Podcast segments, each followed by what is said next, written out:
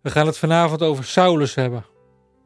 Saulus was een uh, man die een hekel had aan, aan de volgelingen van Jezus. Hij moest er niks van hebben. Hij voelde dat was een bedreiging voor de tempel. En hij wilde zo liefst zoveel mogelijk uitroeien.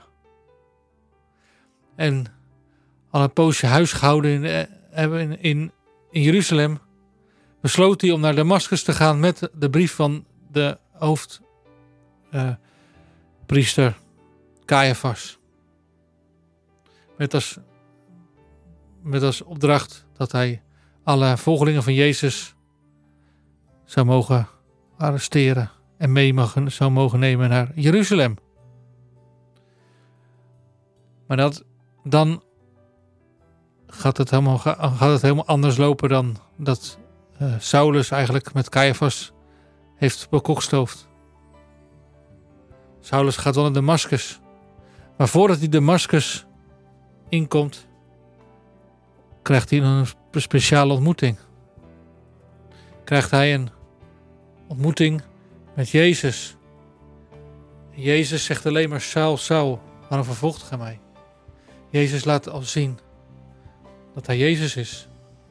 Door dit te zeggen tegen Saulus. En Saulus weet gelijk: ja, dit is Jezus.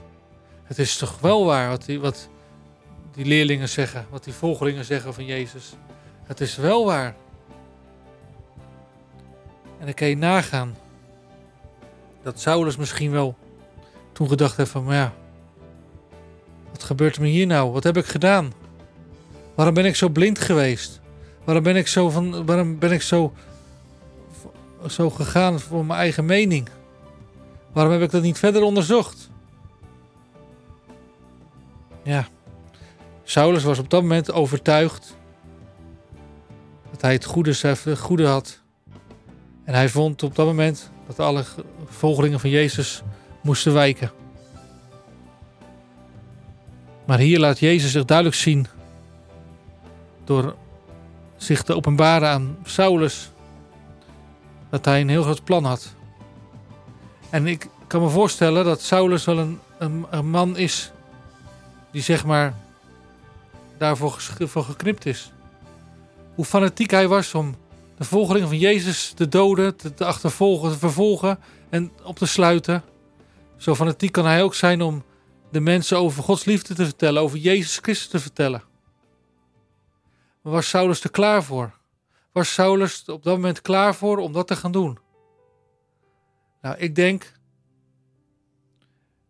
uh, dat er best nog een, dat er nog een, dat er nog een klein poosje tussen heb gezeten voordat hij met, met Ananias sprak. Hij werd blind toen hij Jezus ontmoette. En hij zou blind zijn totdat hij zijn opdracht zou krijgen, totdat Ananias met hem sprak. En ik geloof, ik denk niet dat Saulus er opeens klaar voor was om Jezus te gaan volgen. Op dat moment dat hij Jezus ontmoette, hij was verbijsterd. Hij zag gelijk dat Jezus bestaat. Hij zag gelijk dat Jezus werkelijkheid was.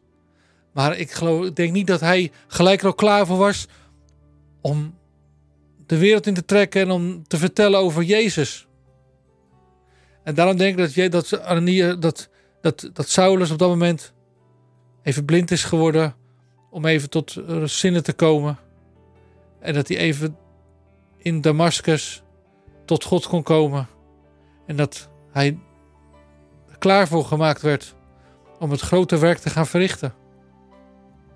En toen kwam Ananias. En Ananias, Ananias zegt, ja, ik ga niet naar Saulus toe. Ben je mal?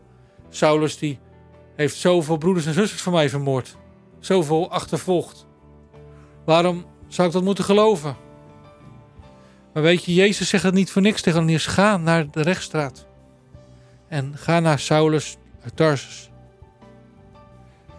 En Ananias werd, gehoorzaam en ging er naartoe en bad voor en, en legde de handen op bij, bij Saulus. En Saulus ging weer zien. En zo werd Saulus klaargestoomd om het evangelie van Jezus te verkondigen aan alle koningen, alle volken en aan Israël. En het eerste wat, wat Saulus op dat moment doet, het eerste wat Saulus op dat moment doet, gaat hij naar de synagoge, waar hij eigenlijk niet moet komen. Dat weet hij zelf 100%, want hij komt daar vandaan. Maar hij kon het niet laten. Hij was zo vol en vol van de Heilige Geest dat hij het gewoon niet kon laten. Om op dat moment over Jezus te gaan spreken in een synagoge met gevaar voor eigen leven. En God zei ook, laat hem zien dat hij moet lijden voor mij. Maar dat vond Saulus niet erg. Want Saulus was opeens vol passie voor Jezus.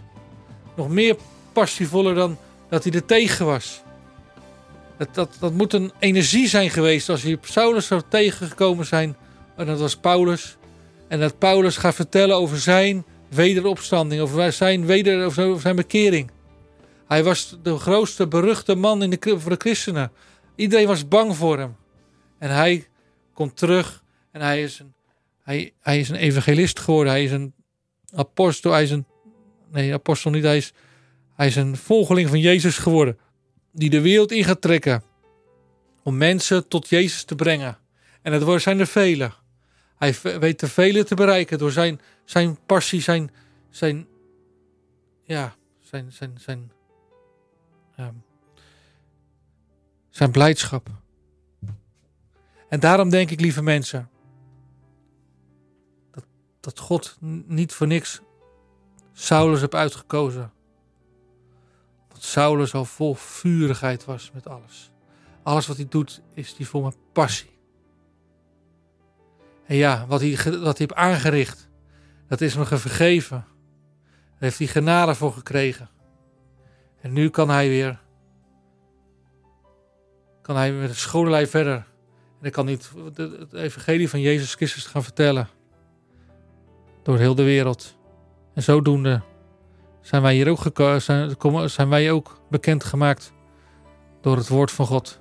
Door het, door, door de evangelie van Jezus Christus. En misschien herken je eigen zelf wel in. Saulus was, was, niet, was, klaar voor gemaakt. Die werd er klaar voor gemaakt. En vanuit Damascus ging hij de wereld in. Ging hij weer ging hij mensen vertellen over Jezus. Hij ging tot in Jeruzalem toe. Ging vertellen over wat Jezus voor hem gedaan had. Maar misschien ben je ook wel een beetje een, een, Saulus. En vervolg je ook wel vervolg je ook Jezus. Maar diep in je hart heb je wel die verlangen om bij hem te zijn. Diep in je hart heb je wel het verlangen om hem te volgen, maar je wordt, ja, het lukt niet. Nou, hier is het verhaal van Saulus. Je kan de ergste moordenaar zijn, de ergste crimineel zijn, je kan de ergste zondaar zijn. Maar er is genade. Er is redding. Er is een nieuwe start. En zo wil God, zo wil Jezus ook vanavond weer met jou zo beginnen. Nieuwe start. Al ben je er helemaal van afgegleden. God houdt je vast. Kijk, het christelijk geloof is geen ganzenbord. Kijk, als je het ganzenborden bent, en je loopt op een bepaald vakje, moet je weer terug naar start. Dan, dan, dan, dan, dan mag je niet verder meer, dan moet je terug naar start. Maar als je, bij God, als je, als je de, de reis naar God, naar Jezus toegevolgd en je gaat op je gat, mag je gewoon weer verder gaan waar je bent uitgegleden. En hoef je niet meer helemaal terug naar het begin van het, begin, wanneer jij je leven Jezus gegeven hebt. Nee, je mag weer opstappen stappen waar je gevallen bent. En daarom is het volgen van Jezus geen ganzenbordspel.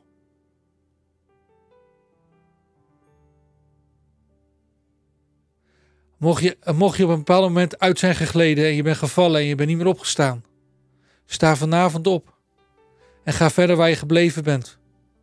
Want Jezus houdt van jou, Jezus heeft een plan met jou. Jezus wil graag dat jij ook de wereld ingaat.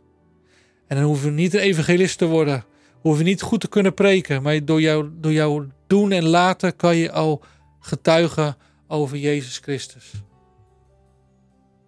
En dat wil ik jullie vanavond allemaal, gaan, allemaal, vertellen. Ben je er klaar voor? Ben je, ben je klaar voor dit? Ben je klaar voor om Jezus te volgen? Ben je klaar voor om iedereen te laten zien dat jij een volgeling van Jezus bent? Ben je er klaar voor? En zo eindigen we deze maandthema.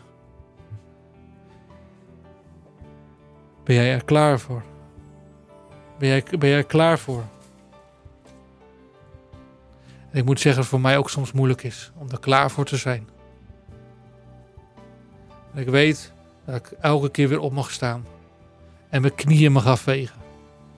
En gewoon weer verder mag gaan met Jezus. En dat wil ik jullie vanavond meegeven. Als laatste deel van deze maandthema.